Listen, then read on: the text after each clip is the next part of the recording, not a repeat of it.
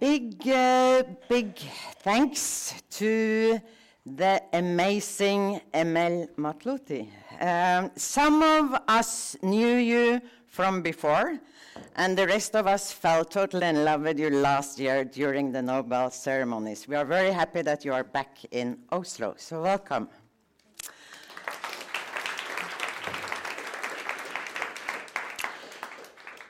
Welcome also to all of you. Uh, we are very glad to have you here. We here at the Nobel Peace Center are the very proud partners of the Oslo World Music Festival for the sixth time, actually. And the themes of the festival and the seminars going with the festivals are changing every year. We have had a focus on dreams, on music as a weapon, the soundtrack of a nation on the freedom of expression. And this year, the focus is on the forbidden songs, music and censorship. And it is a timely focus. We see new and old conflicts emerging around us. We see sky high numbers of humanitarian crises, sky high numbers of refugees, we see increasing social unrest and simultaneously suppression of human rights and democratic rights. We cannot accept censorship. We need the freedom of expression. We need platforms for communication. We need bridge building. We need music. Yet, the list of singers, performers, and artists under censorship is sky high. The numbers of singers, performers, and artists in jail, under suppression, or who have simply been killed is staggeringly high. The list of forbidden songs, likewise. The people very soon coming on stage knows more about this than most of us.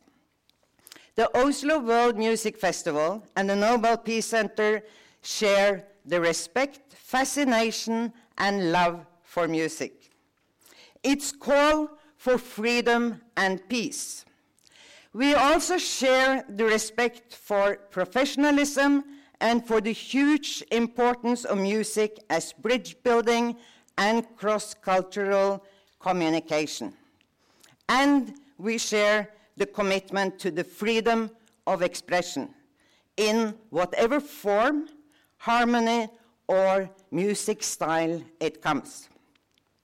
With our joint focus on the freedom of expression, it is only timely that we are sitting here in the midst of an exhibition on Carl von Ossietzky, the Nobel Peace Laureate from 1935, given out in 36.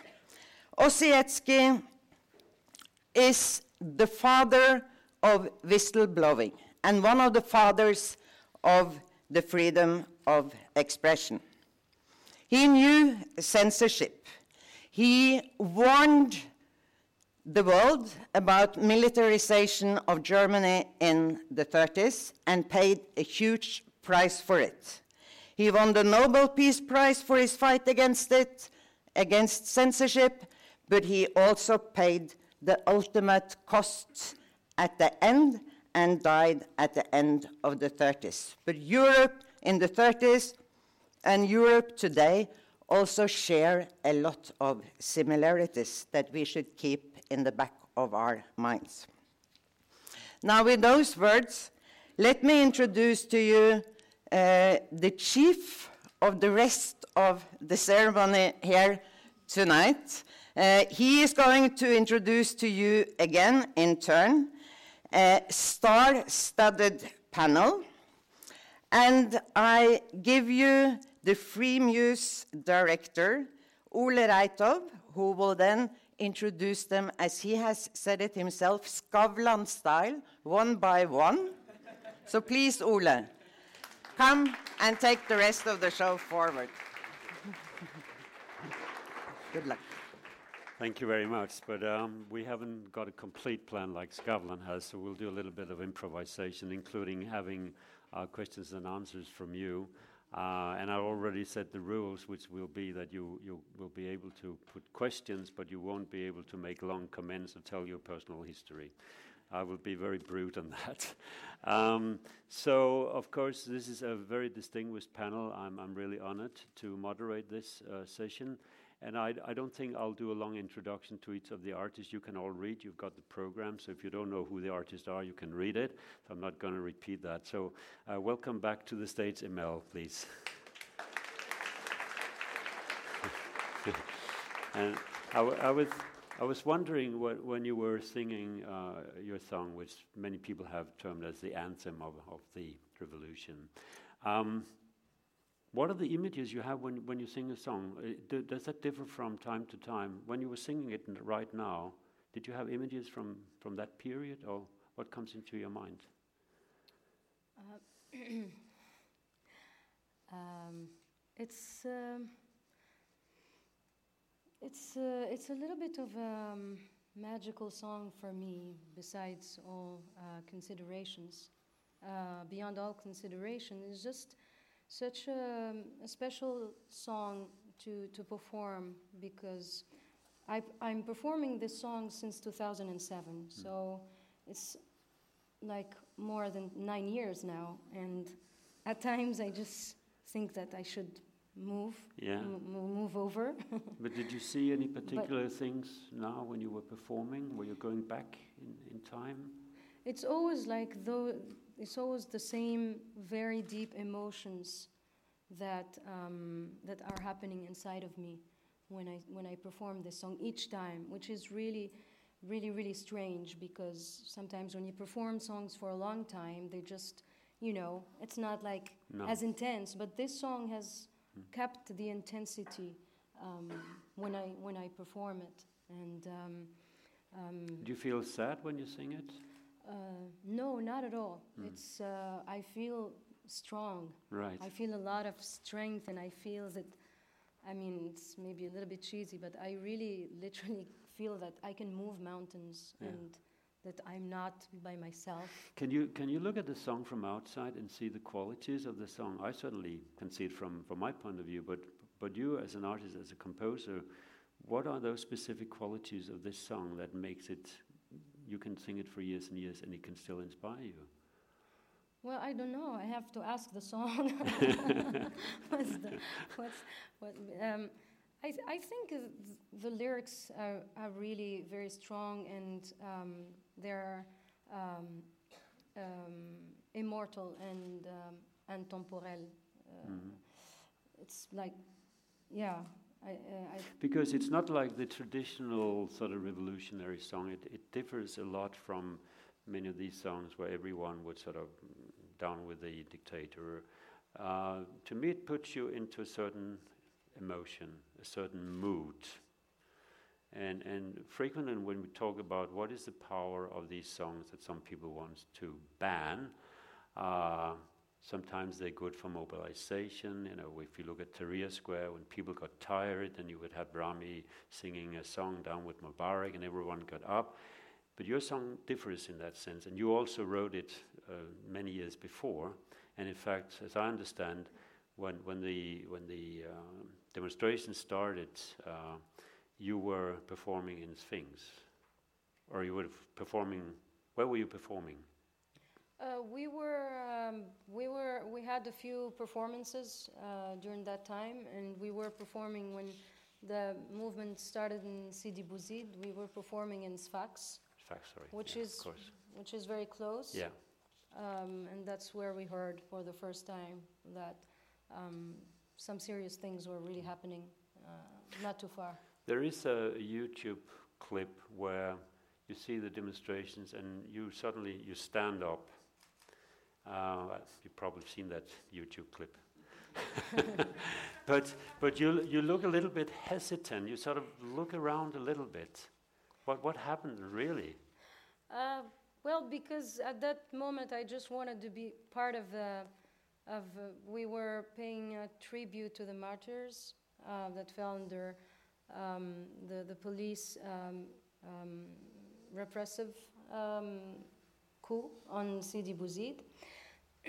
and um, uh, I was just part of it as just a Tunisian, and I, uh, I'm, I don't want to be a singer at these moments. I just, I don't feel like, you know, just imposing myself. Right. Um, so that's why I wasn't very comfortable actually. Um, and we don't have that culture of you know mixing music with these kind of uh, gatherings or demonstrations. So we're not really. And this song is not exactly like a crowd song because it it changes a lot. And even like for me, it's not easy to sing it just like that. I I'd rather have uh, an instrument. But um, that day, I, I have a very good friend. She's a strong Tunisian woman. She's an activist and a lawyer.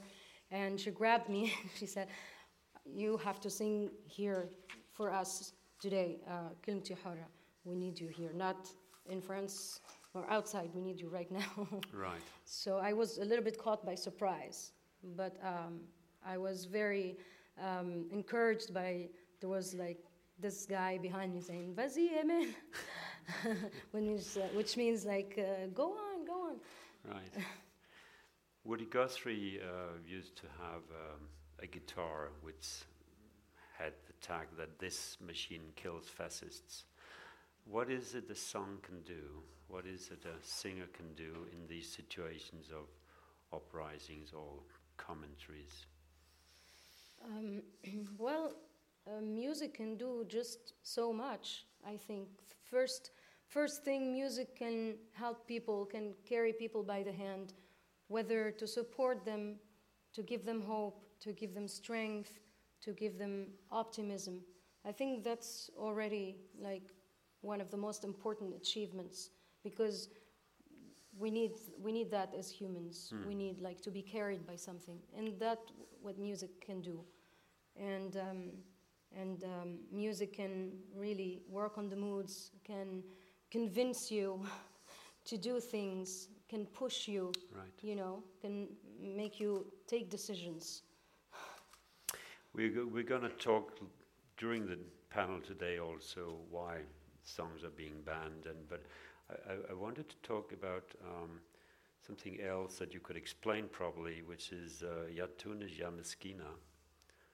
Um, because, well, maybe you can explain what it means, if you Um. understand how I pronounced it. I did. no, you pronounced very well. Uh, it means uh, poor Tunisia. Yeah, and what does that mean in a Tunisian mind? So um, at that time, the song was written in 2005, and um, I wrote it when I uh, when I was at university. And uh, the song starts by saying, um, "They say that they fear, they only fear God, but actually they fear everything, but God."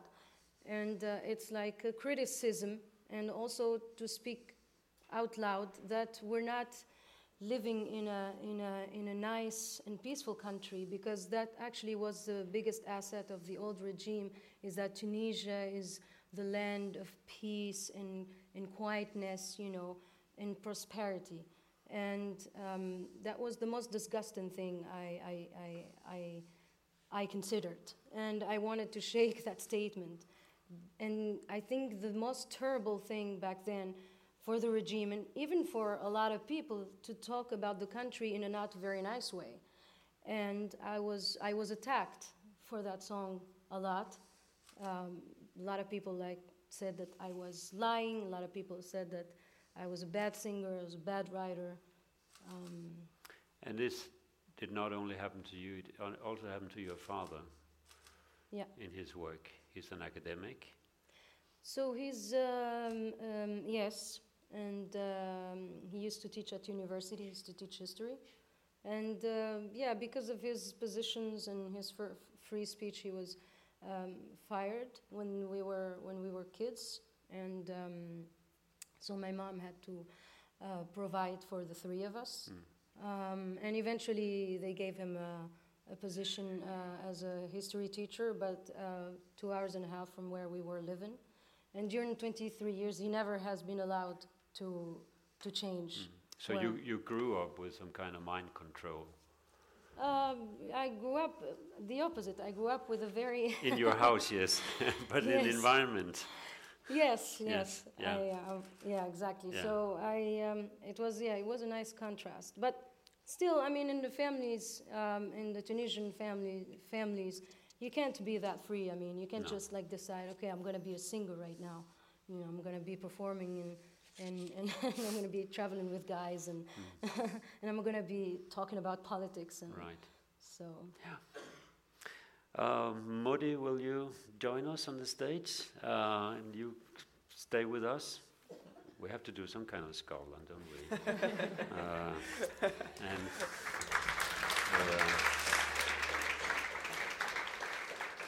uh, um, obviously, uh, no further introduction. Um, you have done a, a CD with, with a lot of banned songs, and we talked the other day, and, and you told me about an incident. We have two very good colleagues working for the BBC, and they were not involved in this. I want to say that. You were in a BBC breakfast show, and they gave you a little bit of advice. a little bit of advice, yeah. Uh, well, I, I was on the on the um, BBC Breakfast show uh, to to speak about my new album on the release day, um, and um, well, I was of course nervous as ever uh, because there were three million Brits going to watch the show, and it, this was my like big chance to to to get something intelligent said about uh, music censorship in the modern age. Um, five minutes before the uh, bef- before I was on the screen, a producer came up to me and said, just very carefully, uh, so, that nobody else would hear it, um, asked me very politely to consider the fact that there are very m- uh, there are many minors watching this show, uh, and also other um, um, uh, fragile groups. Uh, so, uh, he, so he would he would very much appreciate it if I would consider not to talk too much about violence, um, drugs, sex, um, religion, and also uh, there's a there's a song on the album that, which has actually been censored by the BBC itself. But as he said, those are sort of unconf- unconfirmed claims. So it would be nice if we don't talk too much about that. So in the end, I sat there, um, being allowed to actually speak about one out of the 12 songs um, on the album, which is the one criticizing uh, Vladimir Putin. So I was basically, I, I was basically allowed to criticize criticize Russia, but I was not uh, allowed to criticize anybody else, um, not even Norway or or, Right. or the English contribution to the Gulf War, or yeah, you get it. Um, Right. A, a difficult way to start an album campaign, I have to admit. I felt like an idiot when walking off, walking out of that sofa. In the, in the process where, when you started um, recording the songs, you also visited some of those artists that had faced censorship. Um, what did you learn from that? Well, I, I learned obviously a lot. I, I spent more time. Um, there, there's a web page um, called unsongs.com where we've actually met these people who, who, who wrote the songs behind the album. Um, uh, and and tho- of course, those meetings were incredibly interesting because you realized how much you are actually allowed and able to do because you are a white male Norwegian artist. You, c- you can basically go wherever you want to, you can speak with almost uh, whomever you want to uh, about whatever you want to, and it w- will have absolutely no consequences for you, but it might affect their lives uh, afterwards. Um, it, it, it, made me realize how I- mean, despite despite all the mechanisms of censorship that I, I hope we'll get back to, that are very very um, much present in also the Western world. Despite those, we have a unique uh, we have unique possibilities um, to do thing, things through art um, that other musicians around the world can can only dream about. It doesn't say anything in my manuscript about Western censorship. Let's get to that then. Would you like to talk a little bit more about that? Yeah, I mean, I mean, the BBC wasn't threatening to behead me or something. They, they, they weren't like screaming, "We're going to throw you into jail if you talk about religion on, on, on the screen." But of course, my record label wouldn't have been invited back. Uh, I would never have been invited back to the BBC Breakfast Show because I'm one of those guys who scare the kids.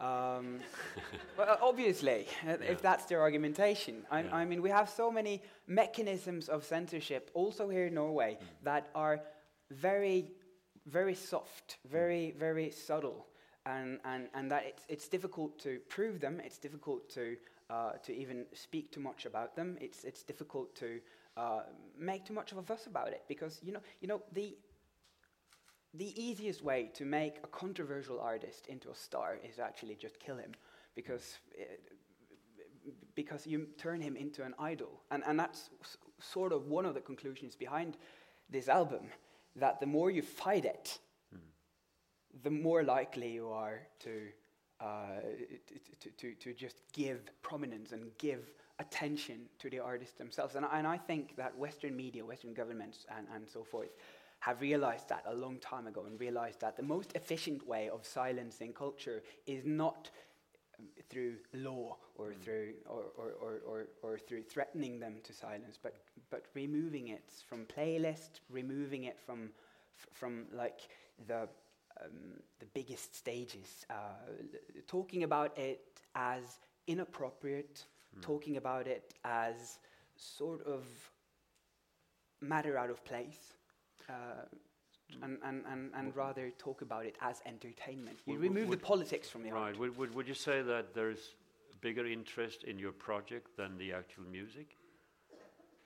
That, that journalists would rather write about your project and you would be invited for seminars and talks rather than. Yes? Absolutely. Okay, keep, keep, keep, keep it there. Yeah, I'll, okay. I'll, I'll, I'll ask Stephen to, to join us on stage uh, because Stephen knows the, uh, the music industry from inside uh, since many years. And, and what I didn't know about Stephen, uh, apart from his, his long career, was that he actually experienced censorship in a courtroom when you were 12 years old. Oh God, you brought that up. Okay. well, I did. Yes, um, this came up. I, it was deeply buried in my memory, and I didn't really think about it until we started having a conversation about this panel. Um, when I was 12 years old in, in the UK, there was a magazine called Oz Magazine, uh, which some of you may have heard of, which was a big cul- counterculture magazine. Very important, very important. in the in the back of Oz magazine were the classified ads, right? And there was a band who had sold their single through the classified ads. And okay, I was 12 years old, right? So the band was called Lucifer, and the ba- and the single was called "Fuck You," right? Now. I'm I've got to buy this single, right? I have to buy this single, right? And it was 50p, okay? And I remember, this is a long time ago, this ages me, and I sent off my 50p postal order, and the single came through the post, and my dad kind of goes, What the hell is this, right? And I was going, This is mine, give it to me. And he was going, No, you ain't having it, right? So I was censored by my dad, but then all of a sudden, uh, I found myself um, being brought forward as a witness in a court case by, that was brought by the British, uh, by the Home Office, because they um, had accused this band of selling pornography and, and, and um, um, sending pornography through the post. And age 12 years old, I had to go to court. Maybe I was 13 at that point. But yes, no, I, I completely forgotten about that. That's going to go in the book now. Good. Um, we were talking about another incident because today, when we talk about terrorism, or we all talk about Daesh and whatnot, and, and people that are as old as me, and, and you're a little bit younger, but uh, I remember being in, in London late 60s, early 70s, and there were all these bombs, and, and uh, of course there was this conflict in Ireland. And, and suddenly, uh, Cartney, of all, wrote the song uh, Give Ireland Back to the Irish, which was actually the, the debut single of. Wings. And, and that was completely banned by the media. yeah. Um, and I'm, I'm wondering if this had been today, considering the sort of terror legislation that we have in Europe today, um, do you think that that would have been a very serious thing for McCartney if it had been today, that someone would say that he was promoting terrorism or. Well, it was a deeply, deeply brave and political statement to make at that time because it was such an incredibly controversial period, as you, are right, you know, um, th- there were explosions um, happening uh, across the UK at that time. It was the, the absolute peak moment of the of the um, the physical violence between the British forces and the and the uh, and the IRA particularly, and of course you had the the UDA on on the uh, on the Protestant side. Um, so it was it was a, an extremely brave moment. I think it was also Paul McCartney wanting to establish his political credentials in a way that John Lennon already had done. Right. You know, John had been very clear about his positions and had been very brave about standing up for what he believed in. And I think that Paul had been viewed as being, you know, not politically relevant. And this suddenly put him in the middle of uh, a relevance. And uh, it was actually a great song too, mm. um, but it didn't get played obviously at all anywhere. No. I, I, remember buying it. Um, I think when they presented the the uh, the charts uh, on the yes, radio, they, they, would basically mention that there was this song written by McCartney, but they wouldn't play it. And they that's wouldn't right. Mention the title either. The, that's the same thing that happened with the Pistols. Right. You know, when when God Save the Queen came out in mm. in '77. 77, right. and when that went to number one, um, on the top of the charts, on top of the pops, it said a record by the Sex Pistols. I didn't say God Save right. the Queen, right? But but, but I, I, have to say those things. It's interesting to hear you talk about soft censorship. You know, the, the, the, that sort of direct censorship really now has kind of largely disappeared. Certainly from radio, mm. uh, and you don't. You know, you will find shows that play every a little bit of everything. Right. Know? And uh, but I mean, daytime radio is probably not going to play a song that has "fuck you" in it, yeah. or you know, or something equally contentious. But still, right here now. you may expect that some of these songs would be played. In, in Tunisia, you wouldn't even expect that your songs would be played, the political songs at all. It was never on your radar, was it? No. that's, that's and, and, and, how does that affect you as an artist when you know, you know, they're never going to play my music on the radio? Well, yeah, that's uh, very frustrating. It's um, really sad because you don't necessarily want to leave your country when you start, um, when you're growing up, but then eventually you feel that there's no other issue if you really want to pursue your dream and, and uh, achieve some things and your ambitions. Um, you, you have to leave. And um, does it give you some kind of freedom, if you understand me correctly, in the sense that you don't even have to bother about that it should be worth for radio play? You can actually make the music you want to do. Yeah, that's the contrast. The contrast is that I think that actually uh, made my music be much richer. And with uh, a group of friends that I was uh, interacting with and and playing music with, somehow we were really very creative. We were experiencing a lot of different mixes with from the early 2000 with the electronic uh, sounds and and old Oriental uh, tunes. And um, I think if I would have grown up uh, in any other country where there are actually um, industrial um, structures, like in the music business. Mm.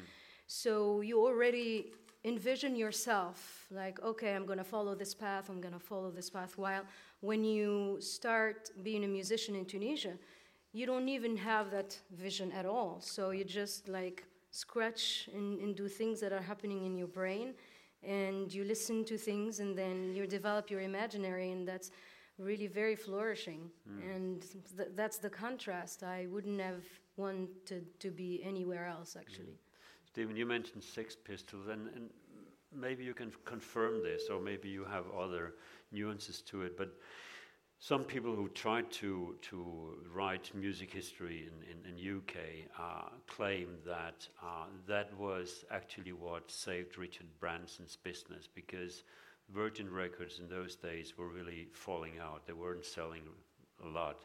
But having signed Sex Pistols, they became interesting for some of the other companies who eventually bought Virgin.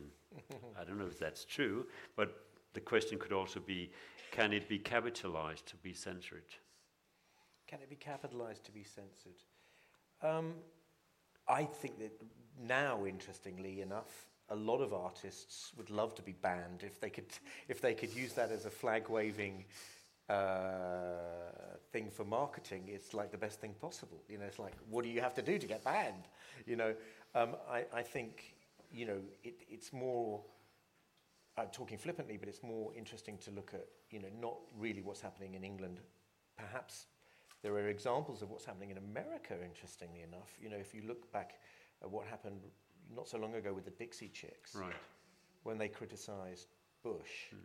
and boy, that did that really backlash against their career for a while. But however, it kind of came full circle and rebounded, and the, atti- the public's attitude changed towards changed towards Hmm. Bush. It's going to be very interesting to see what happens over the next couple of weeks. My God, if Trump gets in, there's going to be a few people getting up and writing some protest songs. And, and boy, and who's going to ban them? exactly. right? It's going to be an interesting moment. But I mean, if you look at, at, at, at countries where current, currently, and this is the work that you're involved in heavily, uh, looking at where music is being banned right now. Um, well, I suppose to, to, to, to sections of the public, it's, it's, it's going to be very interesting. It's like, how can I get my hands on this music? Right. How can one I of, one find of the, this music? Because one of the projects you've been involved with is the Africa Express, and Yeah. you work with, with Damon Albarn and Songhoy Blues, and Mhm. obviously uh, the destruction of, of music in northern Mali Yeah. uh, is not talked a lot about, sort of in certain circles. Intentional destruction of, of a heritage in terms of sites is being discussed. Yes. Um, but uh, Songhoy Blues was an example of musicians who had to leave their homes and, Yeah. and, and make a living otherwise. Mhm. Um, has that changed their uh, their way of, of producing music, of, of creating music, now that they are more dependent on a foreign market? Well, they, I have to say, the, the history of the band was very interesting. They were from Timbuktu and Gao, and when the insurrection happened in northern Mali and music was banned, you know, um, the, uh, uh, the regime that, that stepped in and took over was an Islamist regime, regime and it literally, literally banned any, uh, any music with any Western influence. Um, in fact, any music with stringed instruments were banned. So they, uh, you know, needed to get out of town pretty quickly, and they they went to um, they went to Bamako in the south, which was relatively safe, and they formed the band there. So they started the band there, and then we met them in 20, 2014. Uh, 2013, 24, I get my years mixed up. and uh, we were over there making an album with young Malian artists who had not been able to do anything because of the war for the last two years. Um, and I took a bunch of uh, English and American record producers, Brian Eno and uh, Damon Albarn, you mentioned, and, and various others. Um, and we spent a week there working with these different musicians, and we auditioned them. And we found these guys who'd put, just put this band together. So they'd really just started, and, um, and they were pretty special. And, uh, and then I ended up making an album with them, which we've then tied up with uh, uh, labels in the UK and US and, and been promoting them ever since. And, it's, and uh, yeah, it's, it's, it's gone But pretty well. Have you got any sort of idea of how much um, has been destroyed in this period where the nor- northern Mali was was occupied in terms of the music industry? Well, there were radio stations, recording studios. The band's equipment was, uh, you know, the indivi- individuals in the band's equipment was, you know, destroyed. Um, you know, there's, uh, if people are really interested, the, the, the, the best thing to do is to watch an incredible film that has just come out called "They Will Have to Kill Us First. And it's the story of Songhoy Blues, Right. but also three other musicians based in the north. And it really gives you an inside detail with incredible footage of, of what it was like to live under the regime when music was banned and how people were hiding and, and, and what they had to do to get out of there. Right, so it's it's pretty in, it's quite an intense film, but uh, it's uh, it's got a, a general release. It'll be coming out on DVD soon. Mm. Coming back to, to sort of carrying the back of being, uh, let's say, a revolutionary singer or a song singer that has been banned, uh, is that is that a heavy bag to carry in regards to how you want to develop as an artist? That people expect you to do politicized songs or whatever? Yeah, I wonder. uh, I wonder if I should say yes because uh, I think, yeah, I think sometimes it can get heavy. Um, I'm of course very honored and very proud to have been part of a very important moment of history uh, for my country, but for the whole world, and like to intensify the connection with with with the power of music again, mm. like nowadays, you know, not just in the 60s and the 70s, but we're getting back into it, and you know, it's getting stronger. And but um, yeah, because actually, I consider myself as a singer, as an artist, as a musician first, and it's actually music, you know. and, but sometimes some medias almost like tend to forget about that, mm. and they just sometimes like, okay, you know, I, I'm not a reporter, and I, I actually don't live in Tunisia anymore, so it's unfair for me to consider myself as um, a witness, a reporter. Um, I can't speak about all of that. And uh, what's unfair is that I wish that as a person, uh, as a singer, as an artist who's coming from Tunisia and who sings in Arabic, um, and I try like to, to sing to any audience mm. that doesn't necessarily understand uh, my language. But I think it's, it's unfair that I somehow always have to carry a certain flag, whether the flag of my country or have to represent some kind of an ethnic fantasy or I always have to be in a certain box, whether it's a political conte- uh, context, uh, ethnical, an exotic context, while I would like to be considered um, equally as a pioneer in the sounds that I'm making also, right. because um, as I don't have a problem, um, like I, I'm not gonna stop having a conscience, and I'm not gonna like um, not like the fact that I actually still care about a lot of things, but in the same time, that content is carried by a lot of music and mm. another very thick uh, um, research, mm. musical research, and right. artistic. Actually, yeah. it's an artistic project. Yeah. So that's yeah. that's where uh, I I am a little bit right now. Right, and and and Paul, you're you're nodding because I know this is something that's also on your mind. Uh, I, I yeah, I think I think what Emel is saying here is really important because uh, it, it, it is true that all of a sudden when you when you start blending uh, politics or activism into your art, um, I mean, people often ask me wh- wh- where did all the like the the, the the, the, angry singers of the of the 70s and 80s go? All all the people who uh, could kill fascists with their guitars.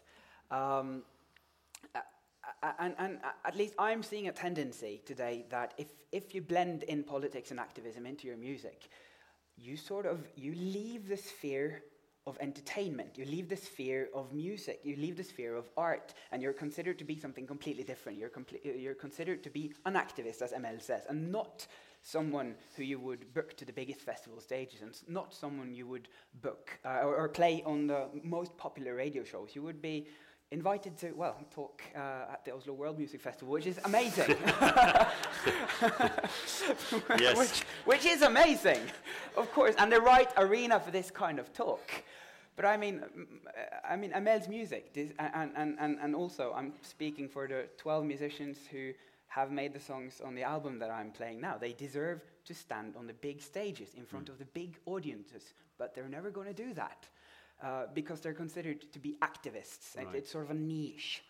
Um, and, and and you're, you're, you're, yeah, you're, you're also an academic. If you look at it from an, an academic point of view, how do you see the landscape then?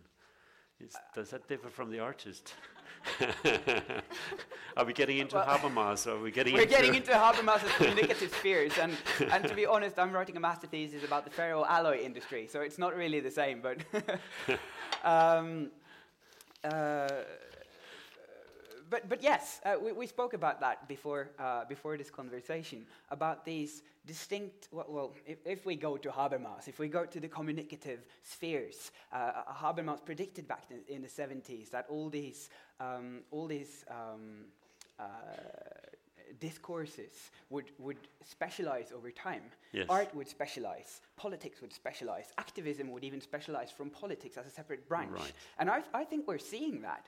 I think we're seeing that these spheres aren't able to communicate with each other anymore. Right. Uh, and and at least through through making this album that I made now, I'm trying to connect these dots again. But I mean, I, one one guy can't do that alone. No. And I and I, I have a lot of smart people around here because.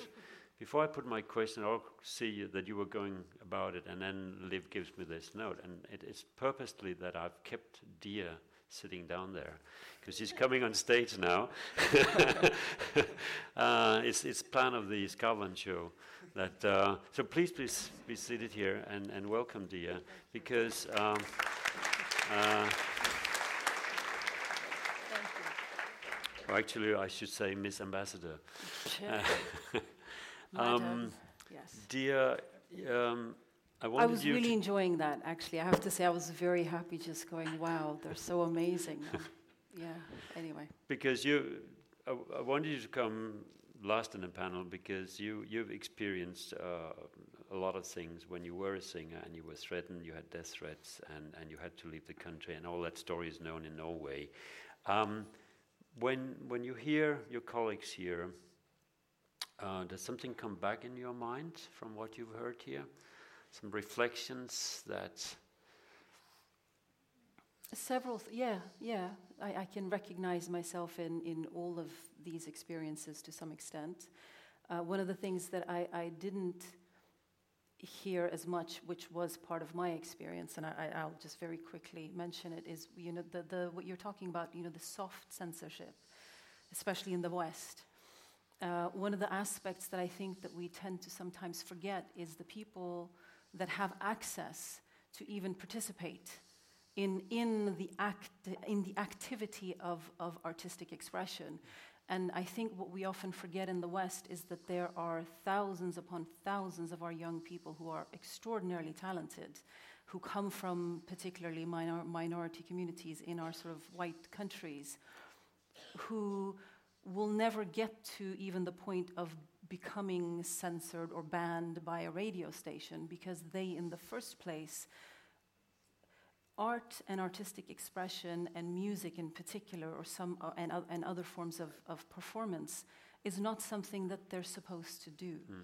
In the first place, so I, I, don't know what we call that. I don't know what we, if we call social censorship, cultural censorship. Yeah. So it's it's. So I think that's another sort of form mm. that we that's important to, to think about in how, especially in the context of how we're going to start resolving this and how we're going to make sure that the resistance against oppression, against discrimination that exists, that we pull in the wide variety of voices that we have, but can't even get to the point of writing the song that's going to get banned because their own parents or their own family won't even let them get to that point. And that's true for England, that's true for, for Norway, still to this day, sadly. Mm. Um, so that's, you know, listening to you talk made me think of that.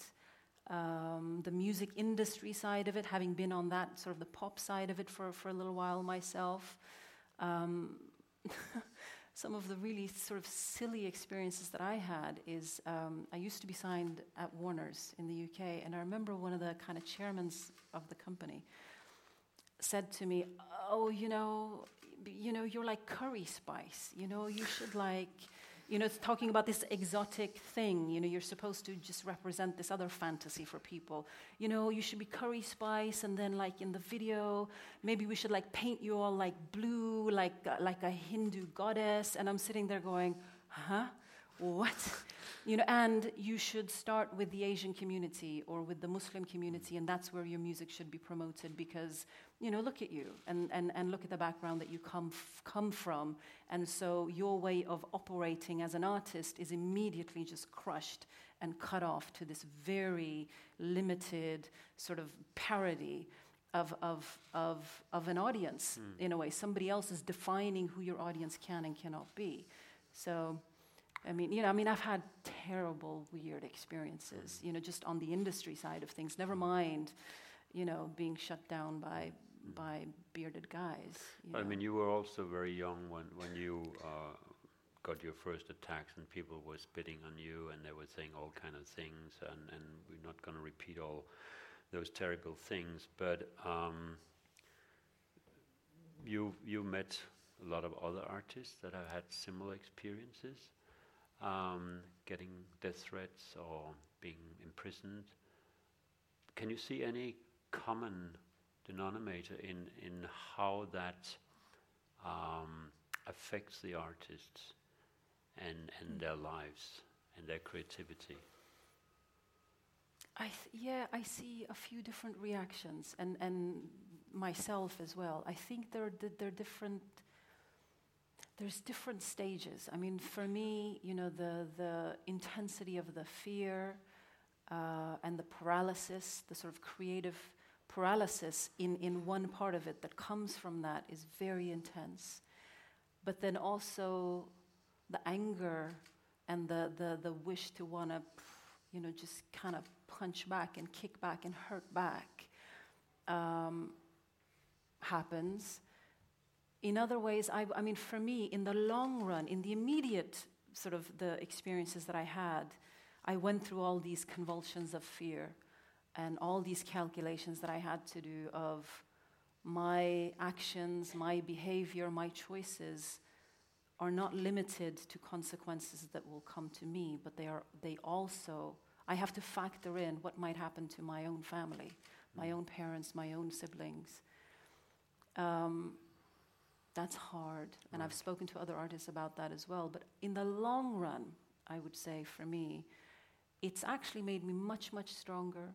It's made me much more defiant and adamant, and also kind of the fear just it leaves you at some point because you just realize that you know you have to live, you have to breathe, even if the price of that is somebody wants to pull a, put a bullet in your head.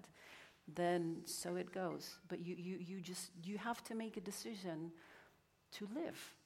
And you, you have to define, you, to live and also define how you are going to live, how you're going to show up to your own life, how you are going to relate to difficult, um, the difficulties in your life. So, uh, so what I've seen in terms of you know your question, the commonalities that I've seen, ultimately in the long run, whatever our individual specific experiences are, I think at the end of it, the vast majority of us, I think, arrive at the point where we think, I'm, I'm ready and it's worth it. And there's nothing you can do that's going to stop me other than the ultimate. And even then, you're probably going to make me stronger anyway. Like you were saying, you know, your, your name and your work will probably get stronger after you've gotten, you know, killed. Mm. So, so I think the defiance, the resistance, and the, the, the I think, I mean, maybe it's careless, I don't know, but, but I, I think that that resistance becomes stronger hmm. and is ultimately what you're left with, I think. Unless you have to factor in your family, which I did for Right. very many years, as you know. I mean, there are all kind of ways that you can frame people of their background or their ethnicity or nationality or whatever. Uh, is there a class perspective in this? Is there a gender perspective in you know the way artists are being persecuted? I think all of that. I think there is definitely a class perspective. I think you know the family that you're born into defines the, the, the what you have access to. You know, Emel, you know, you saying you know your father being an educated man, being a rebel himself. I come from a similar family. My father is is is you know is is difficult in many ways, but is also amazingly courageous in other ways. Um, so being the daughter of a man like that helps women like us. Um, s- a- and I think you know your social class that you come from. I think it matters. I think if you and I were born into a very conservative household, a very poor home, it would probably change what we can and cannot do. and dream about. Um, and then, of course, gender, absolutely. I mean, without any doubt, the, the, the gender aspect is uh, absolutely crucial and present, I would say, across cultures, across countries. I think as a woman artist, whatever the, your artistic practice is, I think not only do we face the same challenges that our male counterparts face, so all the, the political, the corporate, the, the, the religious, all, all, the, all that baggage we also deal with. Um, but on top of that, you're also a woman. So you're going to have to deal with all the disadvantages of what it means to be a woman, which means problems in the family, problems within the wider communities, social issues, moral issues, moral burdens that you have to carry. Words like honor and shame and dishonor and morality in general, us as women have to carry that on our shoulders or you know between our legs. It you know doesn't matter. We are constantly defined by that, and that can be just as true for an American pop girl as it could be for you know a, a, a folk singer in Pakistan. So, I think without a doubt, gender is probably one of the the most crucial aspects, at least, or, or the most sort of you know one of the most fascinating and also most personally um, important issues or interesting issues that I'm sort of obsessed by. Did I answer your question? Absolutely. okay. uh, uh, uh, Emel, Emel, did you want to add to that from the gender perspective? Come on. There's just so much to say. Exactly. When do I Go ahead. You have another 30 seconds. 30 thank you. Because I'm a woman, right? okay, 35. no, I think that um, it just, I, I somehow never thought about that very much growing up. I started being more conscious about it since I became more involved in and 100% focused on producing my own stuff. And that's where I realized that I wasn't trusted the same way mm-hmm. as if I was working with uh, um, male producers, obviously. And um, I have never encountered, um, like, I have never been introduced and uh, proposed to work with a female producer, musical producer, I mean. And um, so yeah, every time I, I encounter a female sound engineer, female orchestra uh, conductor, I just get so excited, and it's it's not cool actually. You know, it just should be normal, mm. and um, so so it it gives a lot of strength for sure, mm. Um, and um, it gives more um, depth to my work because I have to fight on so many levels mm. that um, it's just another one of them. And um, it's so funny uh, I, how much naive I was. Like when people sometimes, like the last few years when I released my first album in 2012, they, they tried, like, yeah, how is it as a woman in Tunisia? And, and it's true that, like, in Tunisia, things are, I mean, I grew up in the capital, which is very different from a lot of other regions right. in the country.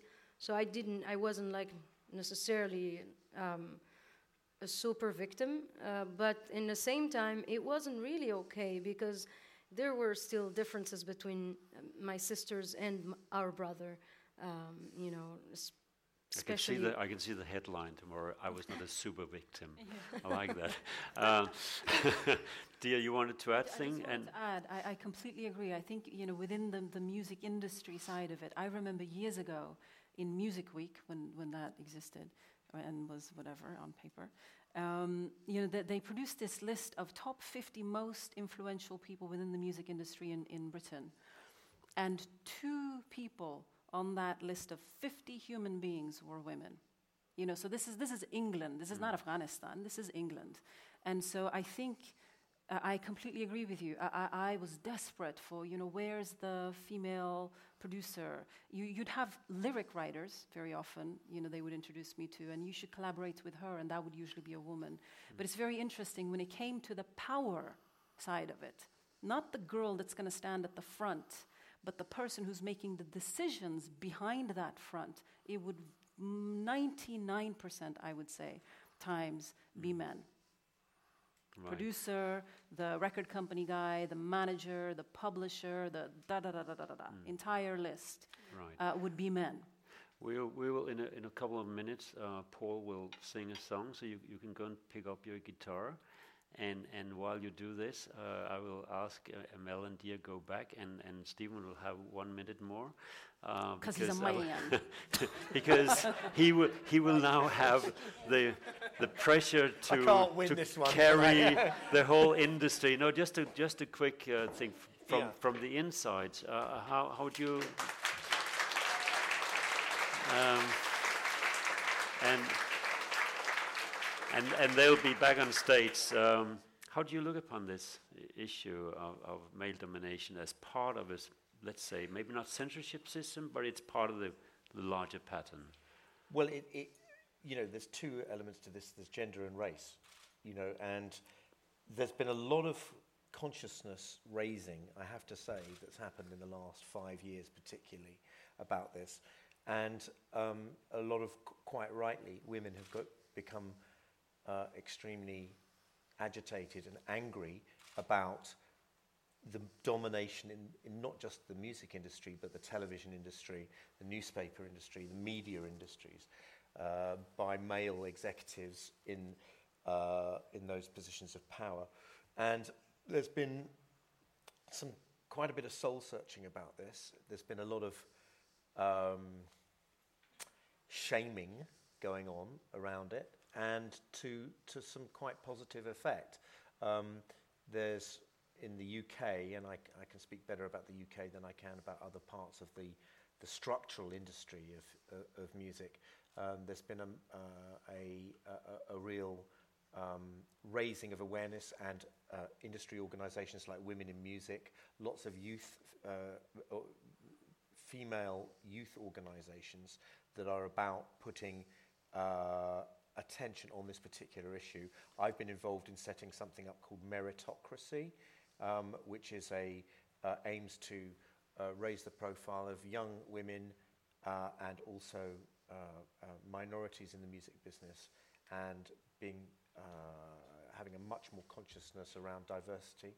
And this is these are little efforts that are starting to have starting to have an effect. But the consciousness around it is certainly there. And if you Music Week still exists now. Uh, even in print, believe it or not. yeah.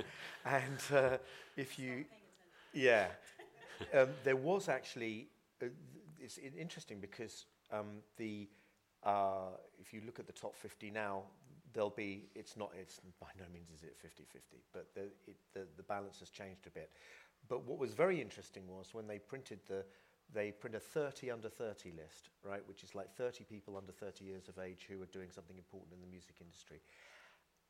And incredibly, not one person was black, right? And or from a, and it was like, hang on a second, hmm. wait a minute, look at all these people doing this amazing stuff, and look at the amount of music that is sourced out of the black community in Right. in the UK. It absolutely dominates, the, Yeah. and you're going like, well, hang on a second. So it's like the Hollywood uh, Yeah, thing. yeah, So yeah. we, so we, we, we uh, started to talk about this and created um, a young lady called Jusna Gaddy, who's a very bright um, lawyer.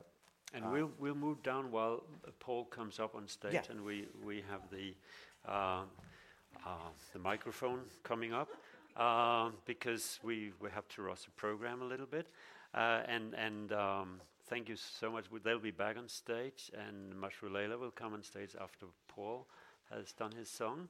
And I don't even know what the song is, but uh, I think you'll uh, you'll be able because you hadn't decided before. So um, we're not going to make any intermission because we want you to drink heavily after, not in between. uh, Paul, it's your stage.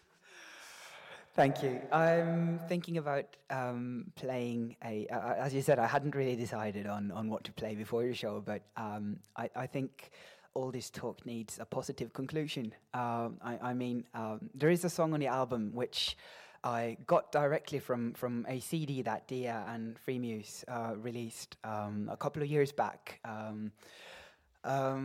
Marcel Khalife is the name of the singer. Uh, he once performed a poem by the Palestinian poet Mahmoud Darwish um, Anna Yusuf Ya Abi, Oh my father, I am Joseph. And the reason why I'm saying this is a sort of positive, uh, or at least it's a happy ending. Uh, it's the last song on, on the album, and it's also a sort of happy ending to my project, finding this song finally.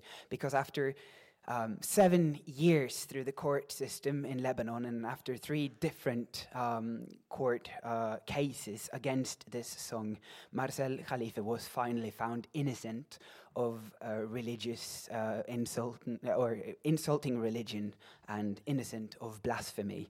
And, and the way I read the verdict from the, from the, from the court or from the, from the judge is, is, is that basically the judge said that yes, it's, uh, uh it, it, is forbidden to sing songs that are quoted from the Quran, but the way that Marcel Khalife has done this, when you listen to how beautifully it's done, with how, when you listen to how much compassion he's put into this, how much commitment he has given to this art,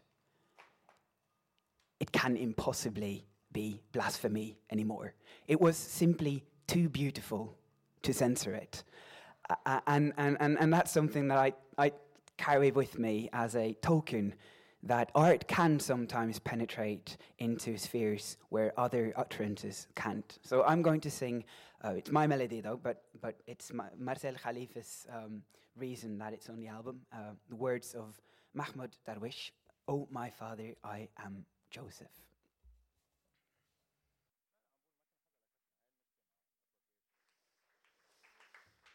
Well, we hadn't planned it, but uh, I think this was uh, a good introduction to, to two members of Mashrou' Leila coming from Beirut. So please come on stage.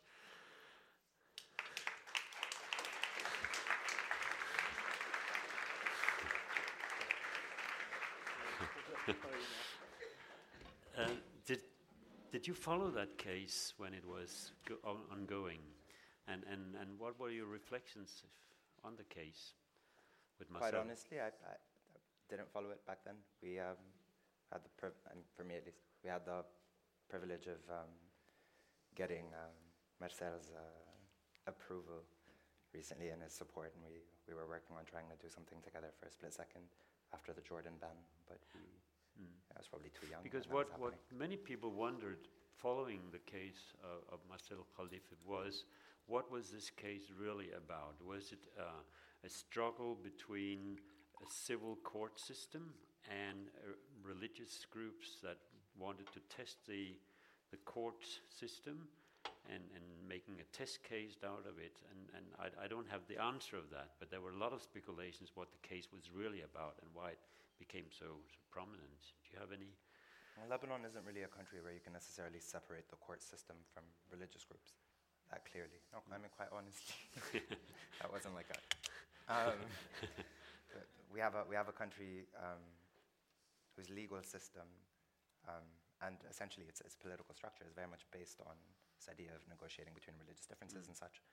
Um, and the blasphemy laws in the country are all pervasive. Are the Catholic Church is much much more um, efficient at censoring the arts than our own censorship bureau is.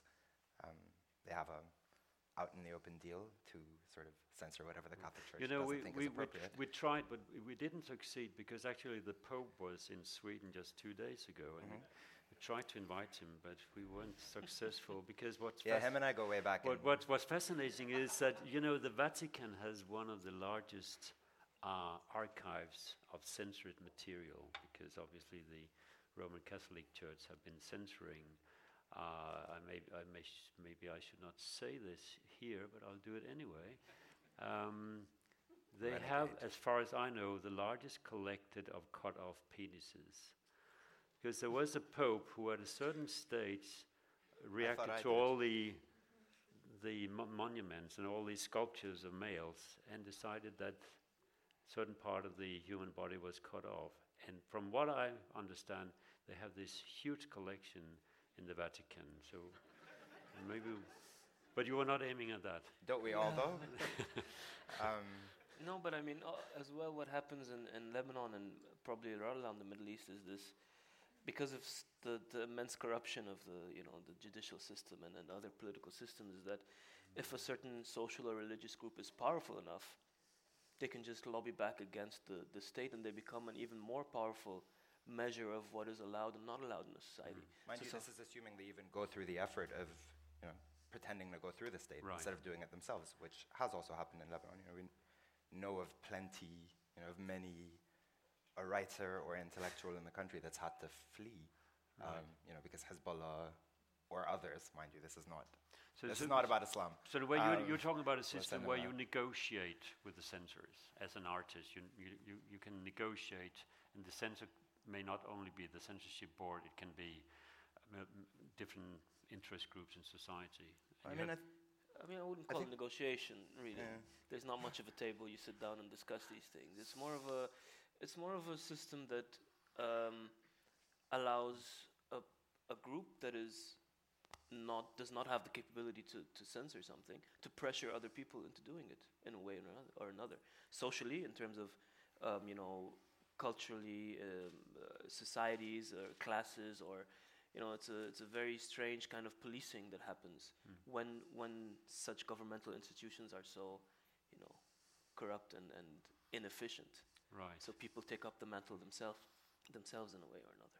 I think I think it's kind of I think that binary that we draw between sort of censorship being necessarily a formal effort on behalf of a, of a government or a censorship office or a, a bureau of sorts, and other sorts of social policing and exclusion, that, that distinction that we draw is almost arbitrary, where, you know, if you look at the numbers across the board, we're essentially looking at the exact same thing happening, but in one instance, we're looking at a structure that we define as a government. Mm. And in the other instances, we're looking at society, which is equally structured. So when you look at the numbers across the board in Europe, um, and I'm so happy that you took that conversation there, um, you know, it's, there really is something to be said about the absence of representation of people of color um, and women mm. and uh, queer identified or non identified people for that matter um, and that complete exclusion, um, not censorship, exclusion, which is just, you know, as you said, in a lot of instances more toxic, um, is just as structural, hmm. you know, given the numbers. It's clearly a structured right. effort to, to, dismiss a voice, to exclude a voice, yeah. as it is with the government. Only, you know, in one instance, we're talking about the government being the necessary sort of locus of politics, and the next, we're talking about essentially a post-governmental political structure, which is neoliberal, li- right. neoliberalism. Sorry. And, and um, I know some people sitting here, they, they, they sort of wait, when is this question coming about homosexuality? And it's coming. It's coming. It's That's on, what he it's, said. It's on my it's on my list. But I, I, I, want want to come back to to Mahmoud Darwish because it's also interesting in the sense that here we had a poem that Mahmoud Darwish has been writing, and it was put into a court system and accused for being blasphemous in a way.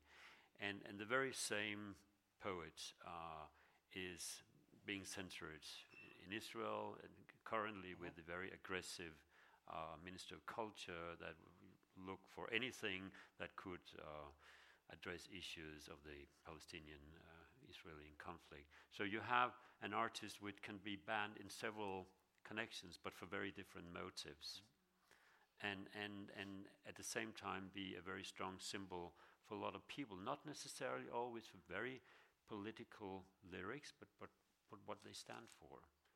And, and that somehow it's, it remains with people in spite of censorship. And, and that seems to be one of the interesting things that you, as we talked about earlier today, that you, you, you, you may be able to kill the singer, but you can't kill the song. And, and, and your songs, um, some people have tried to sometimes stop them or stop your performance. Uh, let's let's go to the incident of, of Jordan. You you had a concert cancelled, and uh, why was that? it was more really than a cancellation of a concert. Yeah, it was a, it was a band. It Um, was uh, yeah. We were scheduled to play a show in Jordan in the same venue that we had played, you know, f- four times before. Which is an old Greek. It's an old Roman Old Roman amphitheater in the in the yeah. center of town, actually. Right. And a few days before the show, we received um, the promoters of the show in Jordan received an official ban that claimed uh, that our songs were, you know, at odds with the authenticity of a Roman monument. authenticity of the site. Yeah. Exactly. the And, and, and did But they I mean, describe what that was? What? No, what the the authenticity was? yes. No, but I mean, it's kind of ridiculous because we had played there before Yes. with three albums, and this is the first album that we write that's almost entirely inspired by Greco Roman mythology. True story. All right? And they tell us suddenly that we're at odds with the authenticity of the site, which is. Yeah, Um, but I mean, with a little bit, w- with a little bit more prying and a little bit of, of uh, you know, uh, media pressure, kind of other reasons start to emerge, which is, We're Satanists, apparently. yeah, we go, yeah. I mean, Um, You have dark clothes. and That's Emil all. That's has- I've. Al- my mother always Do- said do that we was have the a true mark cult of a here? Satanist is wearing black, right? we have a Satanist cult here amongst us. I mean, yes. Yes. Hail that guy. Right. Um, no, I mean it was actually kind of sorry to backtrack. Um, it was actually kind of ridiculous. Is that um, I don't even believe in the existence of Satan, let alone No. sort of encourage the worship of something I don't believe exists. Um, but what happened is, you know, within days, the arguments became so transparent, and you know, the, the story that came out was basically this was something that was instigated by a priest who had a problem with a song that we wrote where we riff off of uh, Joseph Campbell theory, which is the monomyth theory, and we compare Dionysian rituals to Christian rituals and essentially compare the mythologies together. And I mean, it's kind of mind blowing. They both come back from death, they both turn water into wine, they are both the children of God and God Himself, I was a male, right? Um, I mean, it was, it was just you know, essentially a, a pseudo poetic study of comparable mythology, um, which eventually, you know, naturally ends up meaning you're a Satanist. Um, we promote homosexuality as though that were something you could promote. Um, trust me, I've tried, it doesn't work.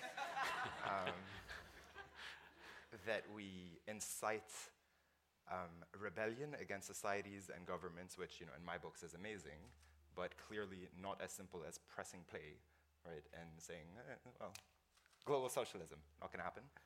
Um, If you analyze the actually the the uh, arguments from from a li- linguistic point of view, mhm. There's certain words that always come back, like authenticity or against uh, our national identity And or values. and shared values, Or val- values val- and- value yeah, of course, yeah. systems, yeah. And and what what is it um, that becomes so prolific when when it comes to songs and music that they because we hear the same things in, in Russia today, we hear the same things in Iran. It goes across. I mean, you hear it in America. It's against our culture, our values, and all this. What what is it that that is so um, dangerous about the songs and Sorry, it's just a. I find it even more dangerous when you don't hear it, right? In a lot of instances in the US, you don't hear it. But find me one person of color in the industry that's given as much legitimacy within a craft as a white person who's doing the exact same stuff. Find me one woman who is afforded the same privileges, access to means of production, access to record deals that what it- to just trust um, as a white cisgendered heterosexual upper middle class male. And then I think we could, you know, if the moment we find these incidents actually starting to happen equally, then I think we should just all give up and die before we see it go downhill, right? Um, but that's not the case. And, and the, the, the tricky part is when you see people get up and sort of issue these press releases about this is at odds with our morality, our customs, our values, then it's almost like it's, it's pointless, right? You see that someone is trying to exclude a party from a conversation. It's so much more toxic and more dangerous when you don't see it. Um, because essentially, whenever you try to exclude someone and say this is at odds with our collective morality, someone's going to go back and say, well, that's not at odds with my collective morality, so clearly your collective is fictional. Nationalism doesn't exist. Yay, Benedict Anderson, it's over. Um, but truth. Um, no, honestly though, um, and just it doesn't work. But you know, the language that people resor- will resort to often is the most vilifying language possible, which is, oh, he's a Satanist. Right. Why? why? Why? Why is that one word so recurrent across, you know, across the world? Yeah. You want to exclude someone? He worships the devil. No, Now it comes, the gay thing. the gay thing. You said you. you That's what my mom calls me. yes. I talked to your mom. Did you? Was that shady? Um, but there, there are t- of co- obviously many um, nuances here, but but addressing these issues of homosexuality or LGBTI, um, Just go with could that also right? So that will probably add a few. It, it, it reminds me a little bit. Ex- Except, uh, not to joke about, but I mean, in the old days of, of really leftism, you would always add an additional thing. You, know, you would left, and there would be more leftist. Um, but uh, could that also be a platform? I mean, is, is, is there a platform for artists that openly say, you know, we, we, we uh, fight for gay rights or we address this in our, in our lyrics? Because uh, gay communities these days are also seen as a big asset in many countries for tourism, for, For creative as well. industries, and, and whatnot. Is that a platform? I'm not entirely certain what that would mean. Can you use sexuality as a platform? Is that sort of what you're? Uh, Would it? I mean, would it? It sounds uh, a little bit cynical, but but uh, can it create jobs to address this? Can Is there a sexuality create Yeah. jobs? Is there a, is there a special stage for this? The, the statistics would beg to differ, um, right? I mean, again, that, that's the thing with structural misogyny and chau- chauvinism is that it's one thing to say, oh, we're going to have a law that says. I can see all the young academics making notes now about who you refer to. um, it's, it's one thing to say, okay, you know what, this is um, an act that is interesting because this woman um, is sharing experiences with us about her queerness as a woman of color and her stories of oppression. You know, these things do happen, right? I think her lyrics are amazing. I want to hear her music. But then again, you look across the board. What other women have that mantle? What other women are given the privilege to address that? How many straight men are talking about, sorry, yeah, my bitches and hoes, um, throwing money at stuff? No, honestly. Um, and, and that's sort of how, again, the industry, the industry operating through neoliberalism to exclude certain voices is essentially the same thing as the government using the law to exclude voices, right? It's just in one version, it's the law that matters, in the other, it's neoliberalism and capitalism. Um, and you literally just shut people out. Um, and at some point, that becomes such a powerful deterrent that so many people will internalize the rhetoric that they can't share their narratives, that they can't actually point out the misogyny that's involved in every aspect of the industry, because then they're just going to lose whatever privilege they've managed to muster in spite of themselves. Um, Earlier today, we talked about public space and, and definition of public space, and obviously, uh, as you said, all of these things you can talk about over a drink in a bar in Beirut, and there's no problem of talking about not being religious or being gay or whatever. But there are certain things that is more difficult to address in the so-called public space as, as such.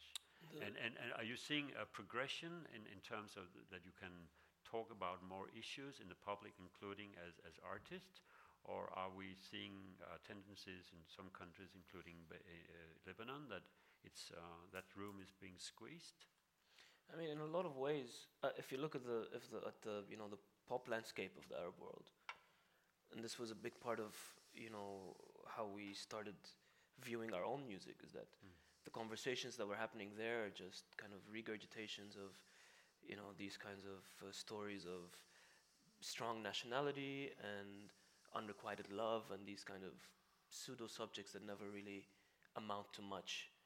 And um, and what happens is really funny is that a lot of our friends and a lot of the people we meet, uh, you know, in a bar in Beirut who end up going on TV suddenly change a lot of their tunes, or truth. they don't they don't change it, but at least they, they kind of mitigate it. You know, they, they, they'd say something to you in, in in earnest in a bar, but once it's on TV or on the radio or in writing, suddenly obviously the language is is you know it's it's complicated and it's not as obvious.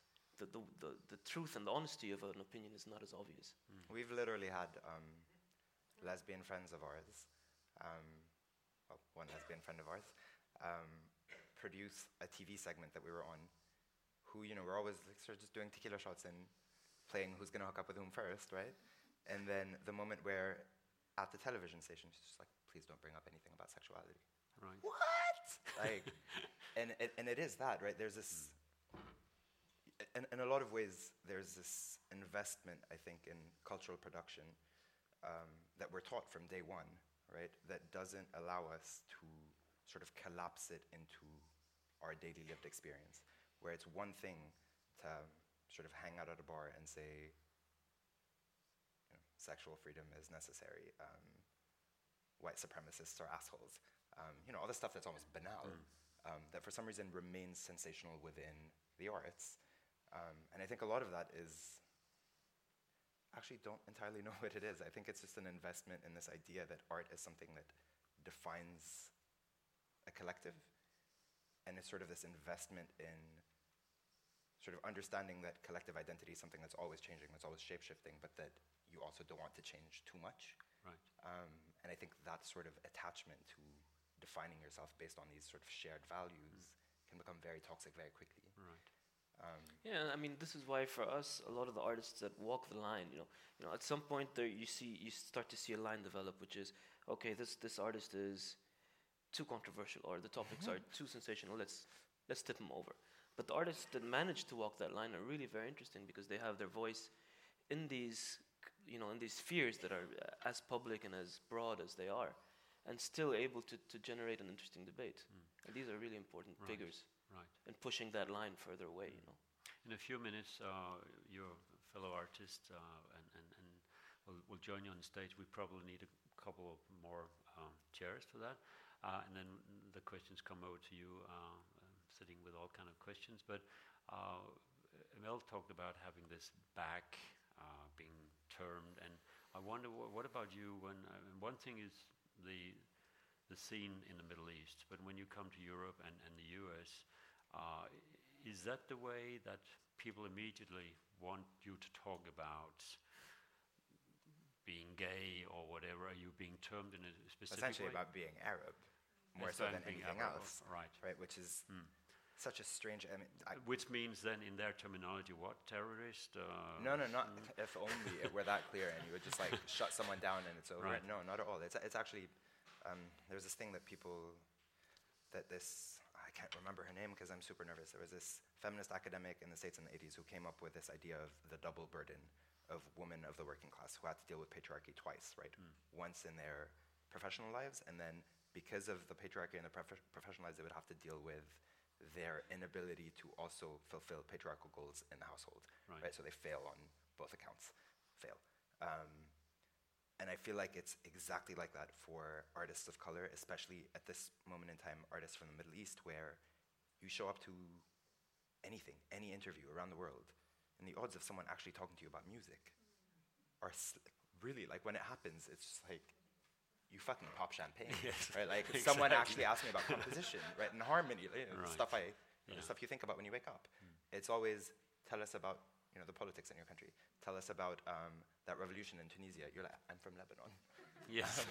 Different kinds of brown, but um, well, yeah, and we're all the same, right? Yeah. We're all one people. Exactly. Um, They're all rabbits. no, no, but honestly, and, and, and, there's always, there's always, if only it ended there, but I, I, just don't think anyone really goes up to most white artists and says, "How do you speak for your culture?" I don't think that's expected, mm. and it shouldn't be. Whereas with Arab artists, it doesn't matter how good you are. Mm.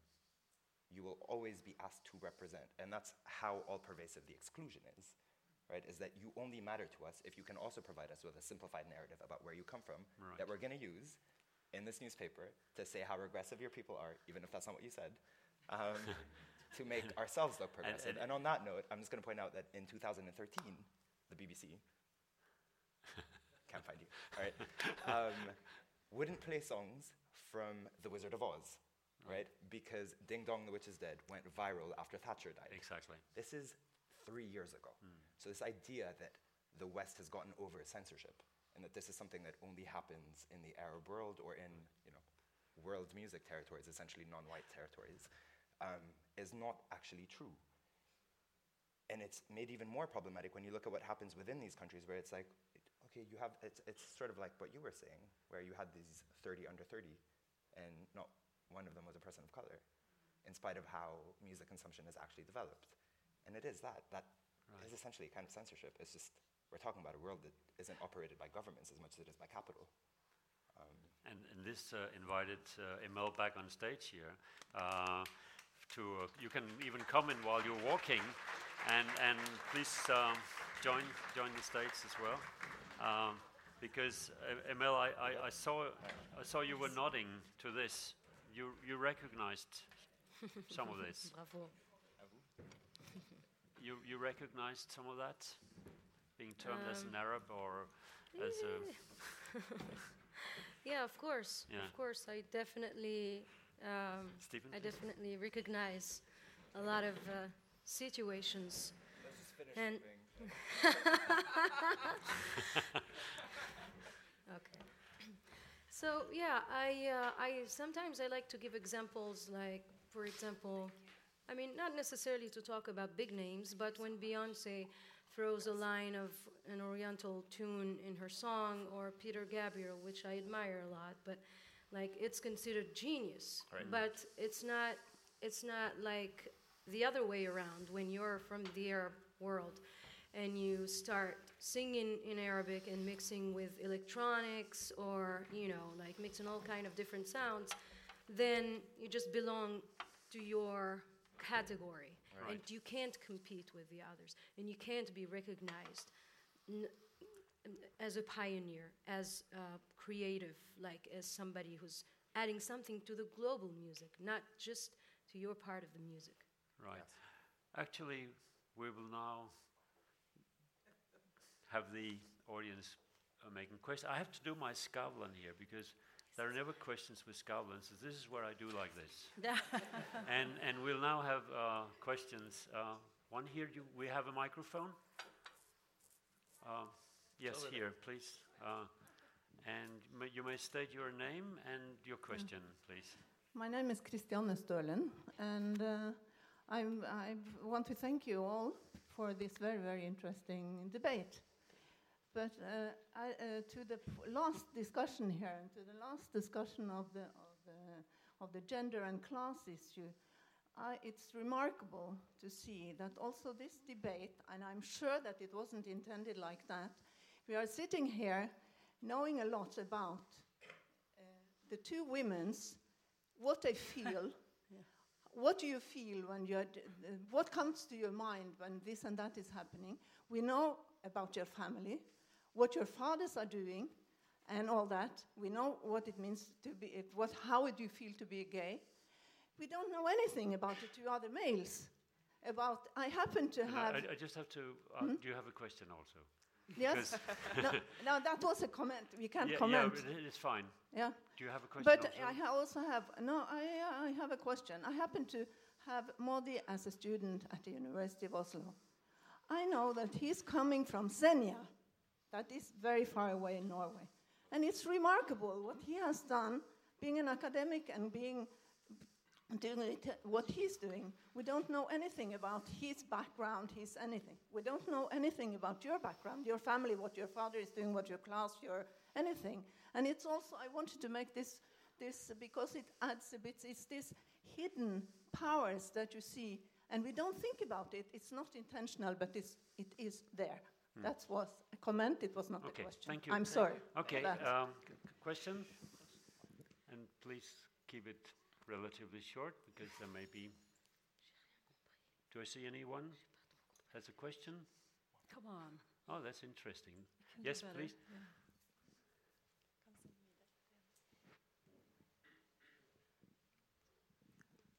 Um, hello, my name is Nazneen Carneström. I'm a retired music journalist and um, I would, yes, I am. and I, I just like to comment on something, a uh, short question too. Um, I used to be a music journalist in the 90s, and I, had, I wrote a lot about the mu- British music scene. And in the 90s, there was a he- really healthy music scene where you had Talvin Singh, you had bands like Fundamental, you had a lot of ethnic minorities, I hate that word, mm. being active in the music industry in the UK, and it seems to have disappeared totally. You do have the MOBO Awards where black music is um, honored. But there seems to be a sort of a change now where religion has, you know, dominated and the ethnic background has disappeared. And I wondered if any of you had any thoughts around this that, you know, religion and not ethnicity has become the issue. And has that, you know, affected the way music and the way musicians look at themselves? If I. Yes. Well, I mean, I'm not sure you're correct, I'm afraid. I think that there's an, an incredible amount of, uh, as we were talking about, great black music that, that's dominating the UK charts right now. I mean, if you look at the, the, uh, the top 30, not that anybody listens to the top 30 anymore, but, but, if you, if, but, it, but, you know, if you look at what the amount of, uh, of black music that's being played on, on British radio, it's, uh, it's never been more. And uh, there is a, there's a new, uh, for the last five years, we've had a, uh, in fact, longer than that, a, a, a BBC uh, dedicated black British radio station, One Extra, um, which, which, which, which, concentrates solely on, on, on black music. But was that really your question? Mm. I'm sorry. Uh, does that answer your question? Oh, the question was also about religion and whether. Yeah. What yeah. was the question about religion? Mm-hmm. Yeah, yeah.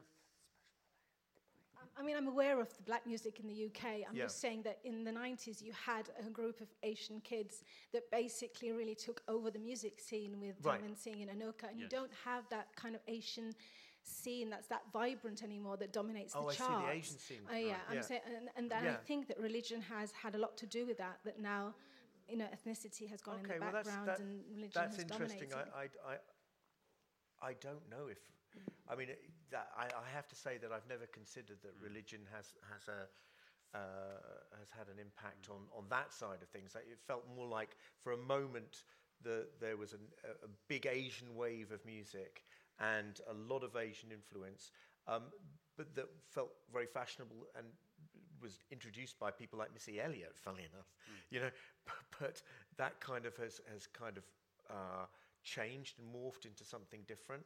Um, there is still a big uh, Asian influence of uh, uh music in the UK, but it's not quite as, as prevalent uh, as it was um, perhaps five, ten years ago.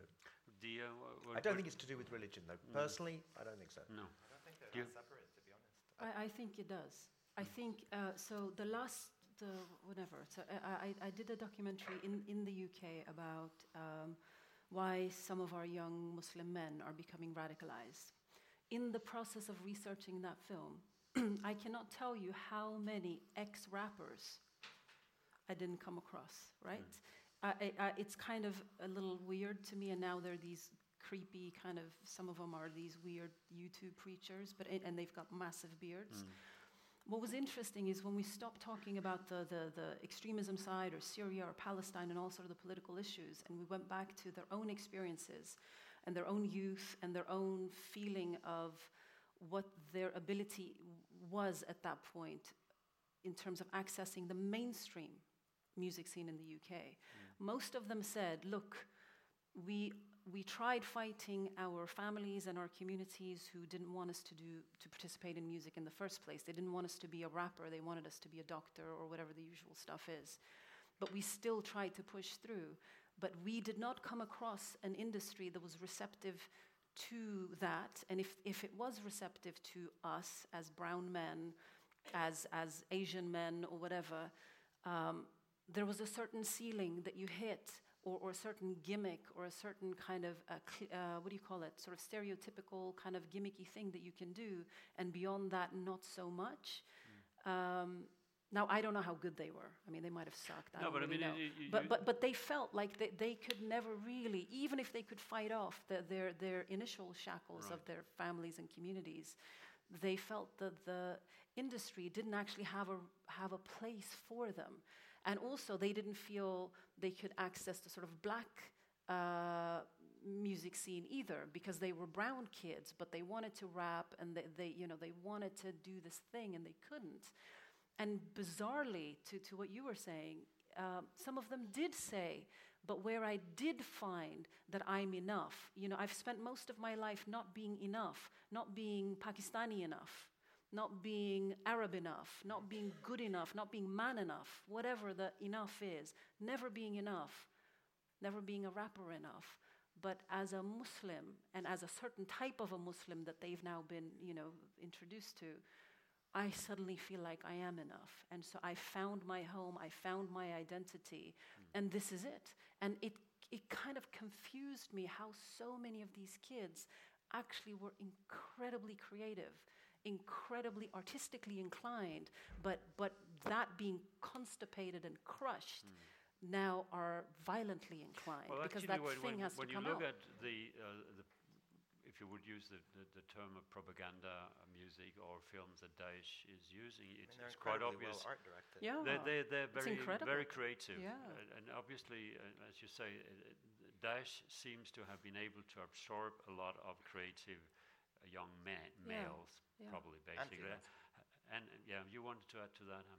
Sorry, yeah, I just don't think that distinction is necessarily as clear mm. um, as we would make it out to be for conversational purposes. But I don't think that line that we're drawing between sort of religious representation, ethnic representation, is that clear.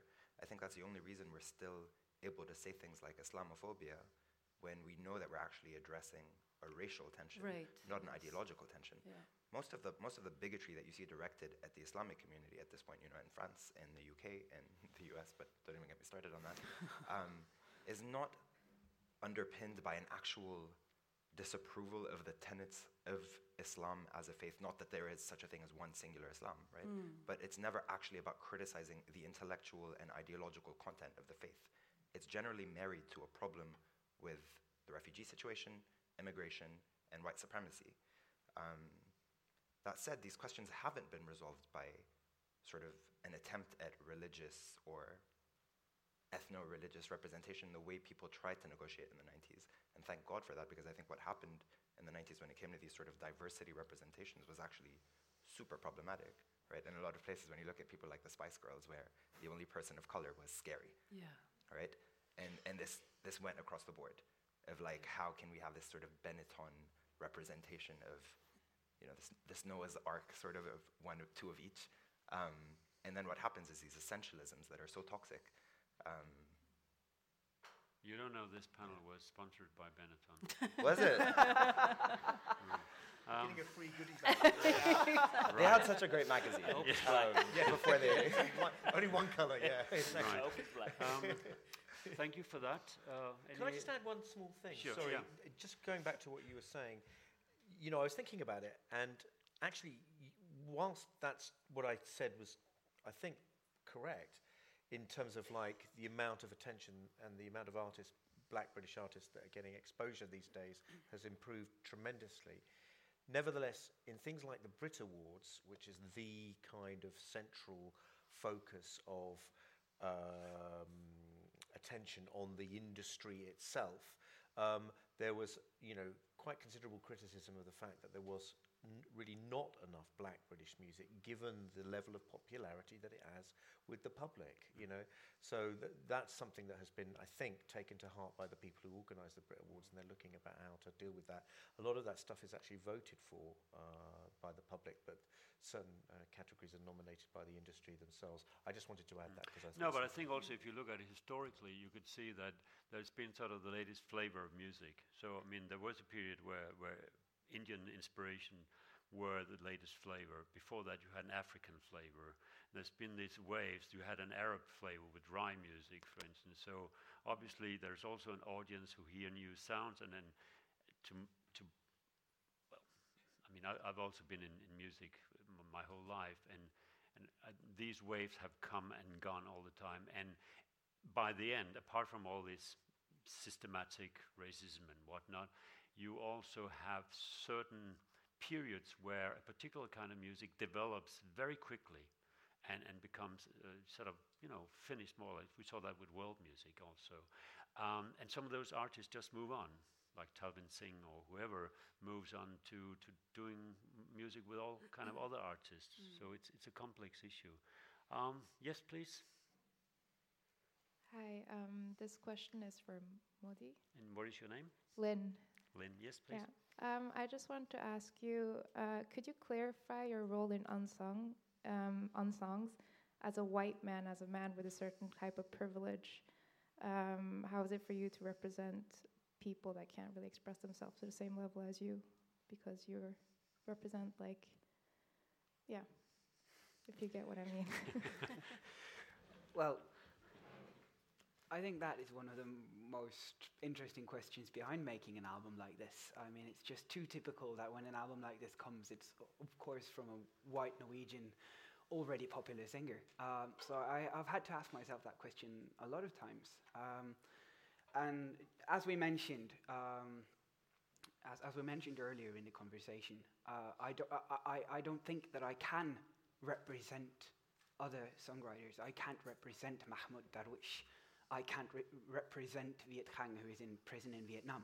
Uh, they have to represent themselves, but I can give people an introduction to their art. I can give people an introduction to their meanings. I'm doing so through the album. I'm doing so through the webpage Unsongs where we visited eight of these 12 countries uh, on the album um, and, and let the artists speak for themselves. But I'm trying to be very clear that, um, that the versions that I'm presenting is very much kneaded and very much altered in order to be understandable for a Western audience, for the, for the audience that I usually play in front of.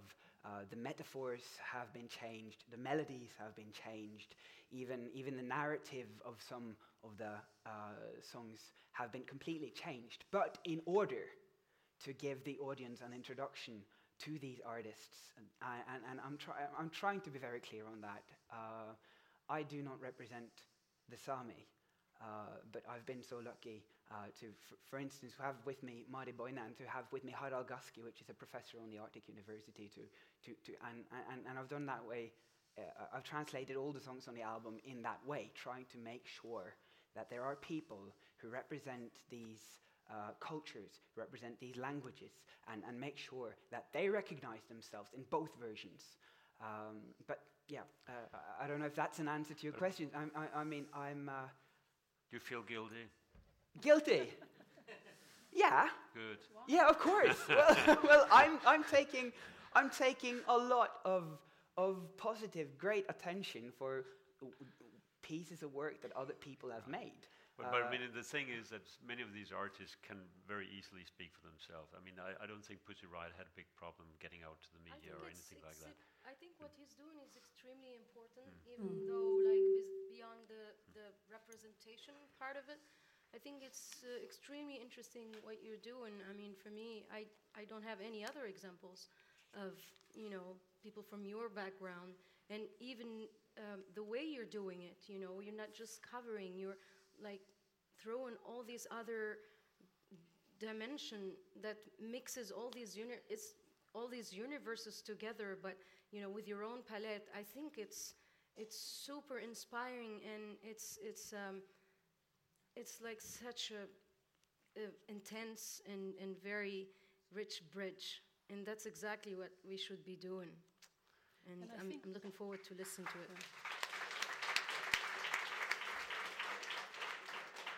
I mean, I, I, understand that you feel guilty and all, but I, I do, I, I do actually think, I think what you've done is very important because I think solidarity is something that's absolutely crucial, and I think with privilege comes, you know, you, you have to do something useful with that privilege, and you're very clearly doing that, and you're paying the, the, the, the due respect to everybody that, that, that have, act, you know, have created the works, and you're sharing their stories. I think I, you know, I'm not a big fan of the, this anyway. I'm not going to get into the whole cultural appropriation thing, but, but, but you know, so I, I, I think you're being really cool and respectful and sensitive about it. And art and creativity and music in particular is a place where we meet.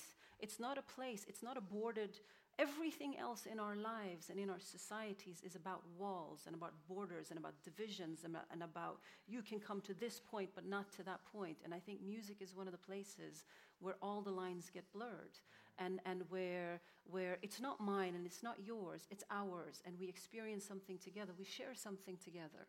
And I think that is the beauty of music. And I think in some ways you're sort of you're, you're expressing that that essence, which I think is really important, and solidarity with your colleagues around the world who are suffering, who are struggling and fighting very difficult battles.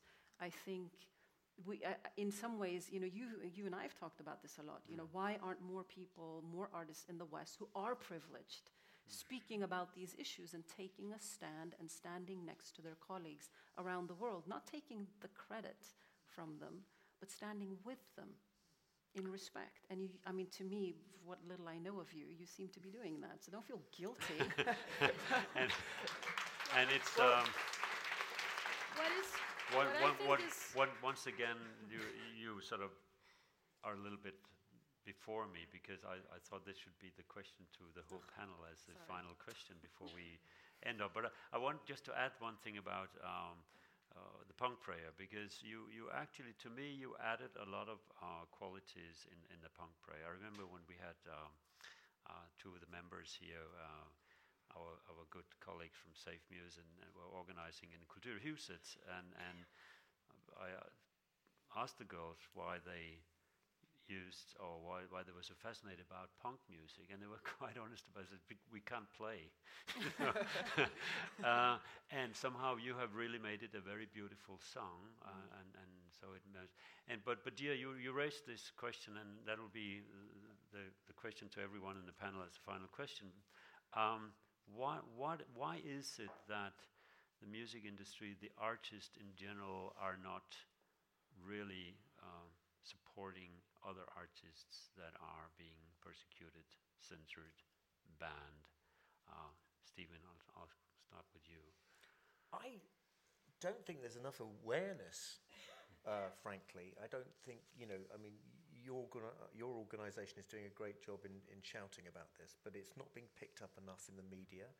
And um, I think if there was more awareness, there'd be more willingness to, for people to, to make uh, noise about it. But having said that as well, I think, you know, I've noticed uh, that there's a sad, over the last 10 years, 15 years, there's been a depoliticization, if I could say that properly, of uh, the music industry. You know, I mean, we all grew up with artists who shouted loudly about political issues. You know, it was very, very important in the 60s, 70s, and even in the 80s. If you think about the early 80s, you know, the electronic bands like the, you know, the, the early Human League, Heaven 17, who were getting up and making a big deal about mm. political statements because they wanted to challenge something, spe- uh, talking specifically in, in the UK. And that kind of went quiet in the 90s, you know, and it really did go quiet, and it, it really hasn't come back into sort of consciousness, and people have, have been afraid to raise their heads above the parapet uh, saying, you know, you know, this is wrong. I mean, yes, they talk about environmental issues, for sure, you know, and talk about global warming and, and these kind of things, but directly political um, uh, issues about oppression, people are, have not been willing to, to do that. I detect, however, a mood of change. I detect there's, a, there's an anger, and I, I, I'm beginning to feel that there's an anger growing in Britain, certainly about what's happened with us and, and, and Brexit, where a lot of artists are going like, this is not right, you know, and are, are, are angry about what's occurring mm-hmm. and uh, are making moves and statements um, uh, uh, about this. And I think that this is, there's a bubbling that mm. I, can, I feel is starting to happen. There's a bubbling about the, the, the fact that, that, that racism is on, since Brexit, racism, uh, overt racism is on the rise in Britain. Mm. And there are artists who are getting very angry about this. And I detect that, that you know, we had an incredible movement, as you may remember, at the end of the 70s, beginning of the 80s, rock against racism, mm. you know. And that feeling is like, hang on a second, we don't want it to slide back into the 1960s. Mm.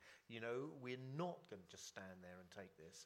You know, we want to actually do something about challenging the, you know, the sort of like dumbing down of society and the sort of deadening effect that this is this, the, this stupidity and inward lookingness is, is starting to happen. Now I have the dilemma that we have got two and a half minutes left. so could you just add quickly comments to this about? Yeah, super quickly. I don't entirely agree with you that what we've seen is a depoliticization of music at all. I think, um, I think in general, music has maintained its politics very much so. What we've seen is the decline of ideology and the decline of you know, what people assume in popular culture is a valid ideological alternative. When people agree to get up on stage and present themselves in the most palatable version of their gender to allow for the mass consumption of their work, when they agree to the political economy around the the distribution of capital within the industry through the labels, through the you know the middlemen, everything, how they get on the radio, all of that is extremely political. It's just we're very quick to dismiss these things mm. as being not political because they're politics of consent. We're so much more comfortable calling something political when, when it's the politics of dissent. And just right? quickly, solidarity um, amongst artists. Do you find what that now? Th- is there a solidarity amongst artists? In general. okay, I'll, I'll, continue with you, Emel. um, no, I actually I do agree with the depolitization thing. Uh, I think people just don't care, and um, you know the big, the big, the big artists, big artists also don't care, and the media's you know don't cover it, and they don't know about it, and a lot of times I'm so surprised, like I, I want to shake like no i mean you have to be concerned and that's why i mean sorry to point at you again but i think i think yeah it's a very salutable effort because n- it's not about the fact that you know he's like representing or like using his privilege. It's not about that. It's about the fact that he took the step to get interested by what's going on there and and, and give it another interpretation and not just treat it as, as something that's exotic and you know like overdo it. And that's exactly what what should happen. Like we should all reach to it uh, to each other not just mm. us receiving all these waves of music from the UK and from the states and we get inspired by it and we shake it and we do our own thing so it should also work back, not just have people like fascinated and trying like to realize their fantasies and, and their exotic imagination and like, okay, let's bring this uh, shakers here and let's bring these dancers over there and right. you know. So put out on it. Uh, Paul, you want final comment on this? Uh, well, you asked about you, you, asked about where the solidarity between artists have gone, or if, if there is any solidarity right. between artists uh, worldwide. And, and I can only answer for Norway. Uh, but, but, but I think that one of the problems that we're having here in Norway is, is, is sort of the view that we have on the artist as, an, as, as a sort of as, as, uh, as an island, as a, as a God given talent that writes his or her, well, usually his, uh, music uh, in isolation in a dark room uh, and, and gets out, stands on a stage in front of 5,000 people and, and, and singing his heart out. It, it, it, this whole album and, and the, my two last albums have basically been about using other people's words, other people's uh, experiences, and spreading that through music. And I've discovered uh, the world opening up in a completely different way. I, I mean, I mean, maybe back in the 70s and 60s, and uh, maybe people, people did that. I, I, I, mean, I come from the Visa scene, the folk scene in Norway, where, where, where there's a much more open, uh, at least used to be, a much mm. more open uh, attitude towards using other people's works. Uh, um, right. Uh, maybe even, even imp- improving other people's work, work, getting it out there. But um, today, if you if you sing a cover song, you're considered to sort of not be art anymore. It's it's it's not even culture. It's something it's something even below that. It's sort of entertainment. Right. Uh, and and, and I, I, I, I seriously think that that artists in general would would benefit on, on just stepping down from the stage, seeing the audience in their eyes, and, and, and just realizing that we're we're just we're just two different sides of the same mirror, right? Really, we can see so much in each other's eyes. Uh, get out of the bedrooms and, and, and, and, and appreciate music that you're not necessarily familiar with. Um, Deeyah, you got 15 seconds. Oh, no, I can't Sorry, do that. sorry. I can't do that. well, I, I mean, I, I don't think that there is enough solidarity between artists globally. I think, you know, obviously there are pockets and various regions and various genres. There are, you know, there is that solidarity. But I think on a global scale, there isn't.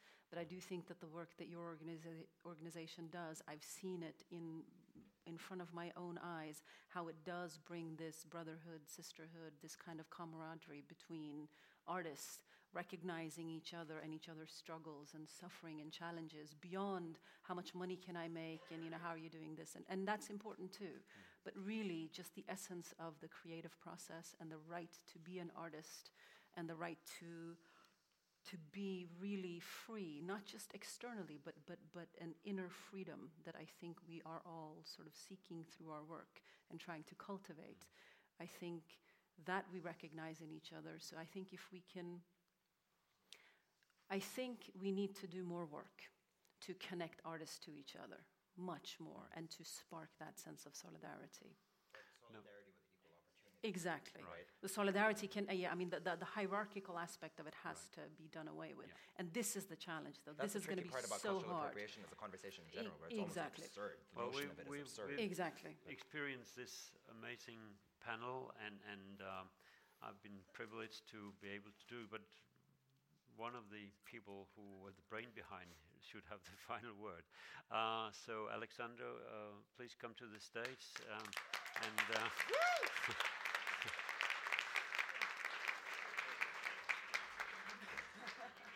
okay, I only have my brain left now. Uh, thank you, everyone, for coming. You have been a very patient audience. I'm, I'm, I'm really happy. I'm sure we could have sitting here a lot more.